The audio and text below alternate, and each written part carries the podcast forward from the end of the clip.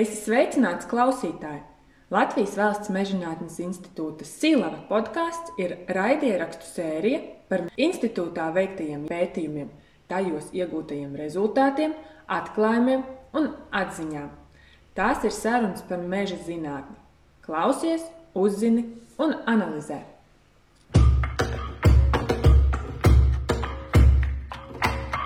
Latvijā mežs aizņem pusi no valsts teritorijas. Mežam ir svarīga loma cilvēku dzīvē. Tajā tiek iegūta ne tikai koksne, bet mežs nodrošina plašu ekosistēmu pakalpojumu klāstu.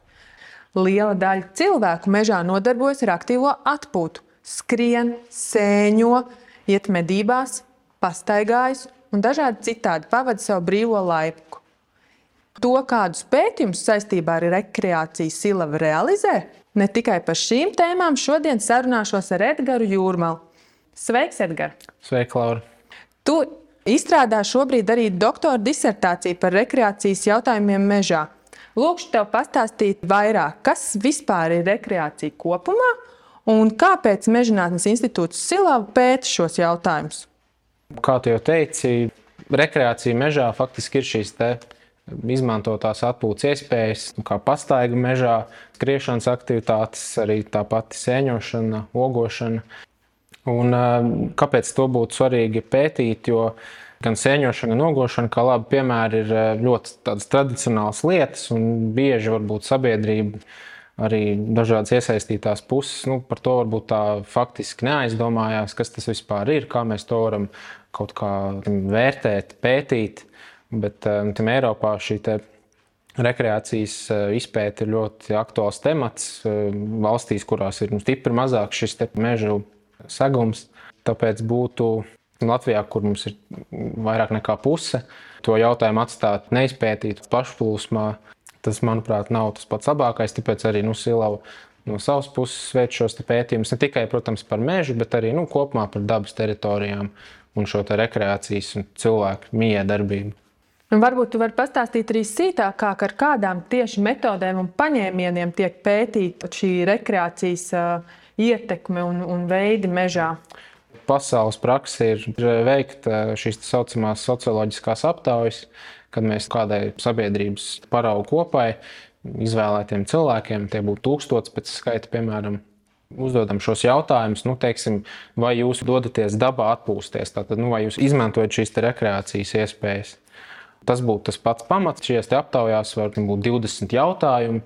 Un katrs no tiem var būt noderīgs pēc tam, lai analizētu šīs lietas un izveidot kaut kādu kopskatu. Um, tad ir arī inovatīvākas metodes, kā piemēram jau veikt pētījumus uz vietas šajās te dabas teritorijās, kaut vai mežā, vai dabas parkos, dabas takās, veikt uh, cilvēku plūsmu uzskaiti Latvijā tas nedaudz ir iebremzējis, bet šobrīd tiek veikta šī cilvēku uzskaita ar dažādiem sensoriem, saprast, nu, cik daudz cilvēku apmeklē šīs vietas. Tad ir vēl citas metodes, piemēram, izmantot uh, sociālos tīklus, lai analizētu cilvēks, dodas atpūsties mežā. Viņš ir ļoti iedvesmots, viņš jūtas labi. Viņš izvēlās uztaisīt kādu bildi, varbūt kādu video formātā, kādu mākslas darbu šis cilvēks šo publicē, tad arī nu, ir iespējas šos eh, attēlus masveidā jau analizēt un saprast, kur ir izveidots un ar kādiem aprakstiem šis cilvēks ir šīs bildes publicējis, kurās vietās jau. Tad arī izveidojas tāda līdzīga bilde kā ar socioloģiskām aptaujām, bet šīs metodas būtu jākombinē. Ļoti interesanti, jā, jo īpaši piepilsētās var novērot, cik ļoti cilvēki brauc uz to mežu, meklē iespējas iztaigāt dažādas dabas takas, doties pie dabas, kurināt ugunskura, tur, kur ir šīs atpūtas vietas. Vai ir arī tieši skatīts, kā šīs plūsmas ietekmē meža ekosistēmu, kā tās noslodzes ietekmē to pašu zemesegu vai, vai, vai varbūt pat kaut kādu ūdeni, vai, vai kādas ir tās lietas, ko skatās šajā? Um, nu, praktiski tas arī ne tikai Latvijā, bet vispār veikt šādus tā saucamos uz vietas, in situ veiktos pētījumus, um, pateikt, nu, vai šis cilvēku dienas laikā cilvēks pārsteigā meža taku vai ir kaut kāda ietekme. Tie pētījumi ir nu, salīdzinoši mazi. Dēļ tās praktiskās puses, nu, cik vietās mēs to varam izdarīt. Tas ir diezgan laikietilpīgi, un tur ir ļoti subjektīvs viedoklis. Nu, kādam pētniekam, ekspertam liksies, ka nu, zemesēdzes stāvoklis pēc šī eksperimenta ir, ir ok. Citam atkal liksies, ka nē, tur jau ir negatīva ietekme. Tāpēc, mūsuprāt, varbūt nu, Latvijā tur drīzāk ir citas problēmas, kas ir saistītas ar šo mūžīgajiem atkritumiem, arī ar meža ugunsdrošību vasaras periodā. Tas arī mūsu taujās parādās, ka tieši nu, šie atkritumi un nu, jā, šī cilvēku daudzums, kas varbūt ietekmē jau negatīvi, nu, kad manā mīļākajā meža, dab, dabas parkā, kur ir pārsvarā mežs, tagad ir milzīgs pilsētnieku pieplūdums bijis. Tas ir negatīvi, varbūt tāds sekas. Tu jau teici, manā mīļākajā mežā. Droši vien aptaujās to arī noskaidro, kādi ir tie meži, uz kuriem cilvēkiem patīk doties, vai tur ir spriežu sils, vai viņiem patīk mm -hmm. tādi, kur ir ierīkotas taciņas, vai tieši tādi, varētu teikt, mežonīgāki, bez taciņām. Kas ir tas, kas cilvēkiem patīk, kur viņi labprāt dodas un pavada savu brīvo laiku? Silvā arī uh, iepriekš kolēģi bija veikuši šīs socioloģiskās aptaujas. Tur tas priekšstats bija tāds, ka tieši tā kā tu saki pareizi par šiem tā saucamajiem priežu siliem, nav kā tikai tāds mīts, bet nu, tas tiešām sabiedrībai kopumā arī uh, liekas vissaizstošākās vietas, jo nu, tās ir brīvi pāredzamas.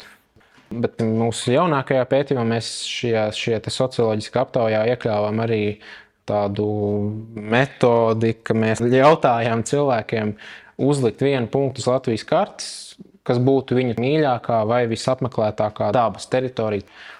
Un, nu, pēc šī mēs negribētu tik smalki skatīties katru, vai tas ir kāds meža tips, vai tas ir teiksim, biezoknis vai nebiezoknis, bet nu, šī meža nozīme jau kopumā gan parādās, ka tā ir praktiski trešā daļa no cilvēkiem tiešām saka, ka tieši tā ir meža teritorija, kuru viņš apmeklē visvēlamāk vai visbiežāk.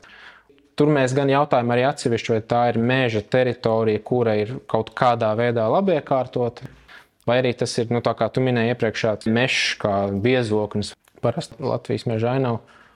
Un tad tur arī tā starpība ir ļoti minimāla. Nedaudz vairāk ir labvēlība pret šiem iekārtotajiem mežiem. Tad eh, sanāk, kad ir ģimenes ar bērniem, labprāt izvēlas vietas, kur var piebraukt ar mašīnu, nolikt, iztaigāt, turpat var paēst pusdienas. Bet pieļauju, ka ir arī ļoti daudz, kuriem patīk piedzīvojumi, un viņi labprāt izvēlas atrast kādu vietu, kurā var bez citiem cilvēkiem un pūļiem ienirt mežā, pētīt un, un, un skatīties, ko atklās šī jaunā jā. vieta. Ja? Tas, jā, nu, socioloģiski aptaujās tu neredzi to cilvēku sejā, tu redzi tos aprakstošos rādītājus. Jā. Tas kopskats ir samērā raips. Nav tā, ka ir, mums izdalās konkrētas grupas, katrā vecumā vai, vai katrā dzimumā. Cilvēku tās intereses ir dažādas. Um, protams, ir šī, vai cilvēks dzīvo pilsētā, vai viņš dzīvo pat Rīgā, vai arī lauku teritorijās, vai nu, mazākās apdzīvotās vietās. Tur ir tādas atšķirības. Vai varbūt ir arī bijuši kādi pētījumi, vai Latvija to ir darījusi? Skatījusies, kā šī būšana dabā un mežā ietekmē tieši cilvēka fizisko un psiholoģisko veselību. Es jau minēju, ka mums Latvijā šī te, nu, atpūta, jeb tāda rekreācijas aktivitātes mežā ir ļoti pašsaprotamas. To esam darījuši, darām. Bet citās pasaules valstīs, sevišķi kaut vai tāds piemērs Japāna, Dienvidkoreja, arī Eiropā daudz kur skatās tieši jau medicīnisku pētījumu tādā izpratnē, kur ir respondenti, tur viņiem mērķi, piemēram, asinsspiediens, ņem analīzes un skatās dažādus rādītājus pirms ieiešanas mežā, veicot pastaigu vai kādu aktivitāti un tad pēc. Latvijā mums pagaidām nav šāda pētījuma. Tur būtu jāpiesaista daudz dažādu citu kolēģu, protams, no citām iestādēm. Bet uh, tas secinājums kopumā ir tāds, ka tur ir viennozīmīgi pozitīva ietekme. Uh, nevarētu arī teikt, ka tas aizstāv to ar kādu terapiju, bet uh, sevišķi pētījumos, kuros veci cilvēki vai cilvēki ar īpašām vajadzībām vai bērni. Tas ir viens no tādiem terapijas veidiem, tiešām vienkārši pastaigas tīrā meža vidē, Tas ir nu, viennozīmīgi pierādīts jau nu, Latvijā pagaidām. Tas, protams, būtu tāds labs mērķis veikt arī šeit, pie mums. Sagaidāms, ka rezultāti būs līdzīgi, bet uh, tas būtu vajadzīgs nu, kaut kā, lai nostiprinātu, saprastu šo apziņu, ka tas nav tikai tradicionāla lieta, bet arī diezgan tāds nu, praktisks instruments dažādās jomās, veselības zinātnēs un arī psiholoģiskajā sabiedrības noturības veicināšanā. Tātad gribētu teikt, ka mēs dzīvojam ļoti labā valstī. Varbūt varētu vairāk parunāt tieši par šiem ekosistēmas pakalpojumiem. Kādi tie ekosistēmas pakalpojumi vispār ir un cik viņi plaši tiek nodrošināti, cik viņi ir brīvi pieejami Latvijas iedzīvotājiem? Jā, nu tātad šis te termins ekosistēma pakalpojumi tā vēsta šim terminam ir vairāk nekā nu, 20 gadu aptuveni, kad uh, vispasaules sabiedrība veic šos dabas kopējos novērtējumus, lai saprastu šo dabas stāvokli, vai mēs dabas resursus varam izmantot nepārtraukti un kāda būtu tā ietekme, un arī cik sabiedrība vispār izmanto šo dabu kā tādu. Un uh, tad ekosistēma pakalpojumi ir tāds kā jau pēdējais, jaunākais ieviesums, kas sadala principā, nu, teiksim, mēs runājam par mežu jau sīkāk, tad, tad nu, mežs sniegtu šīs trīs galvenās pakalpojumu grupas. Tātad pirmā būtu apgādes, materiāla apgāde, tie ir tātad šie koksnes eh, produkti, ko mēs iegūstam no meža, tās ir arī ogas un cita veida materiāli. Tad otrā grupa būtu šie regulējošie pakalpojumi, kas jau ir jau mazāk ar aci saskatām, tie ir klimata regulēšana saistībā ar CO2, tā ir skābekļa ražošana, tā ir arī kaut vai trokšņa slāpēšana, tas sevišķi varbūt piepilsētās, un eh, arī ūdens vīdes regulēšana. Un trešā kategorija ir tā visgrūtāk aptveramā, jo to tiešām nevar redzēt un tik viegli novērtēt.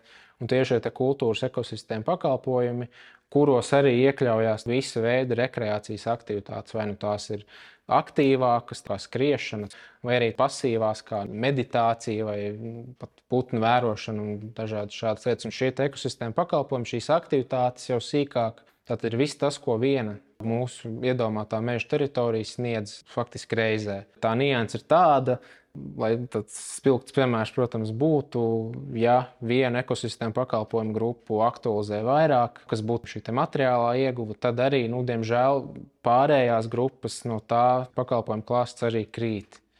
Un tad veidojās šīs tā saucamās sinerģijas, miedarbības.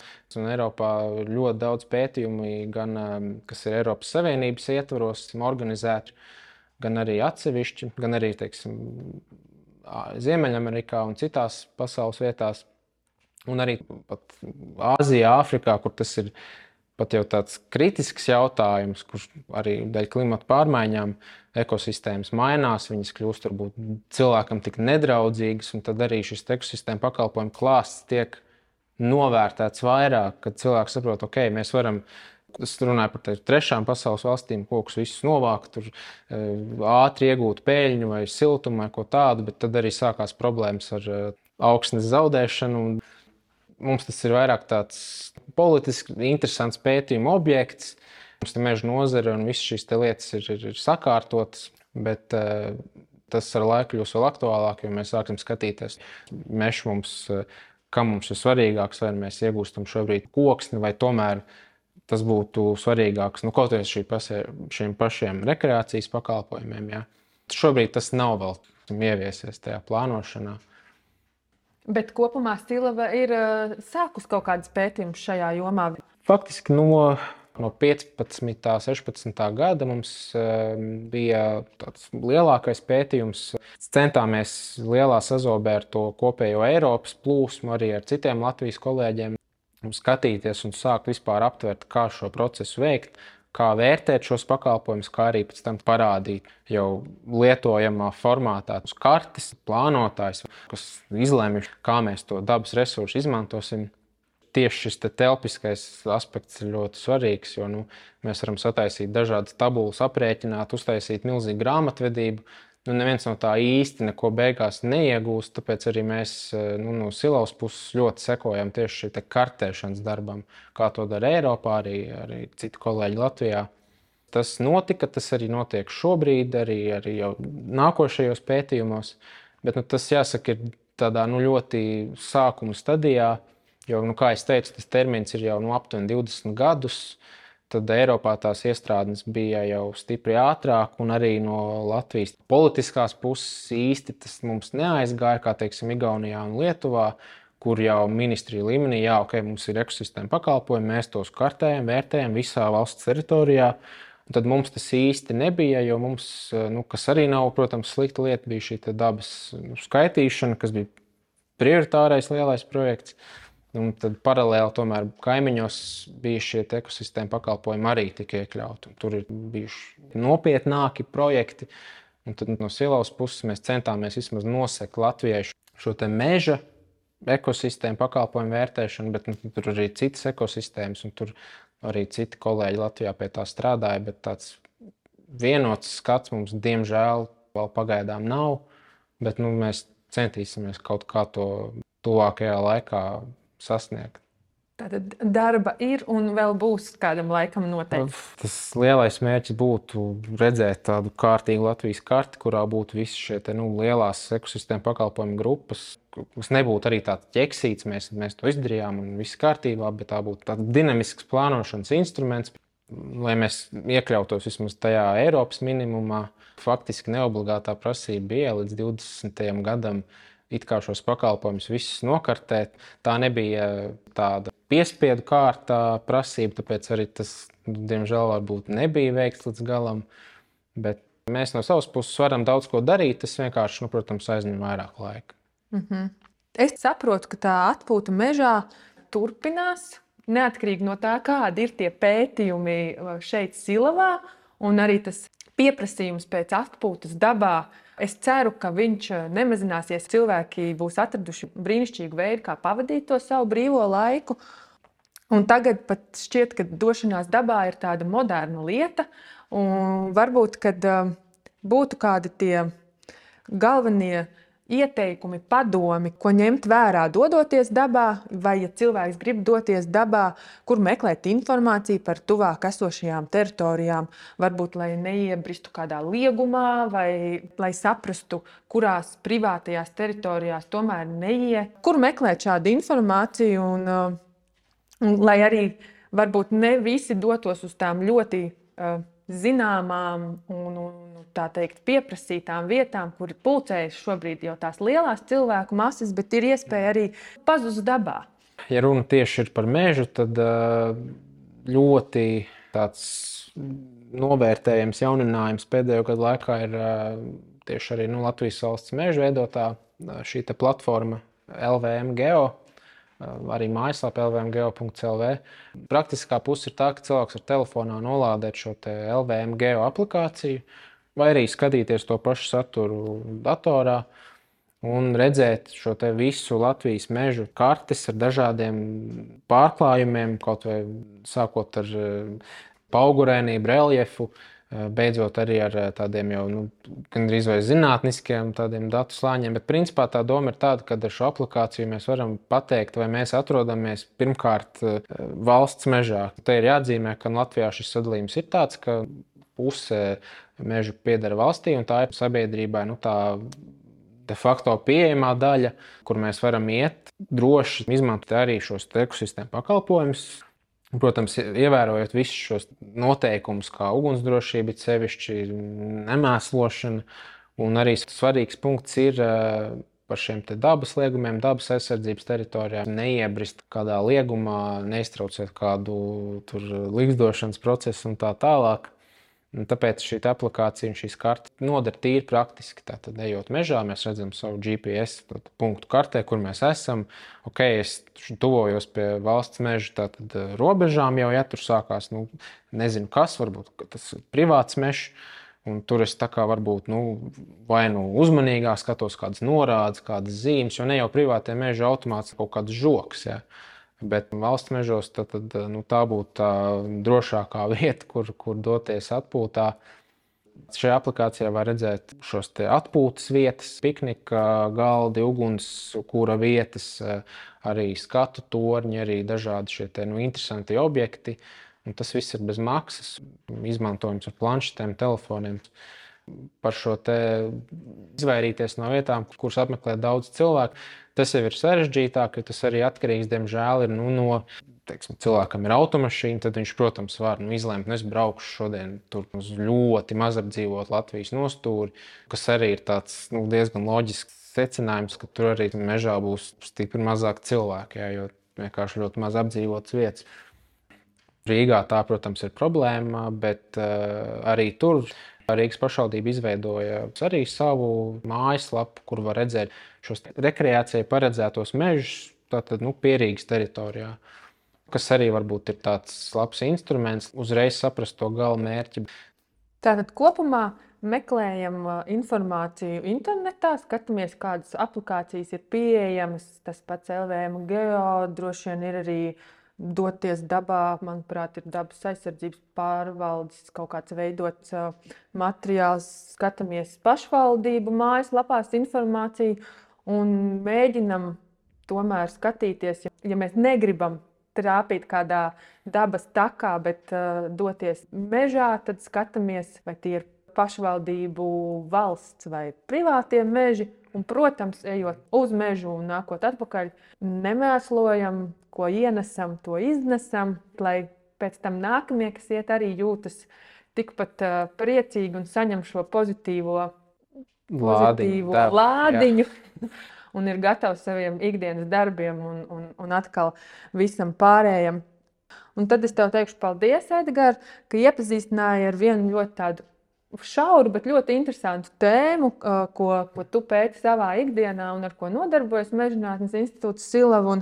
Kaut kādas galvenās raidījuma piezīmes mēs noteikti pievienosim podkāstu beigās, lai varētu sekot līdzi galvenajiem sarunas pieturpunktiem. Tāpat mēģināsim arī apkopot šīs aplikācijas, lai vieglāk viņas var atrast. Un uz tikšanos nākamajā sērijā, kur pārunāsim citas mežģinātnes institūtā pētītās tēmas. Atā.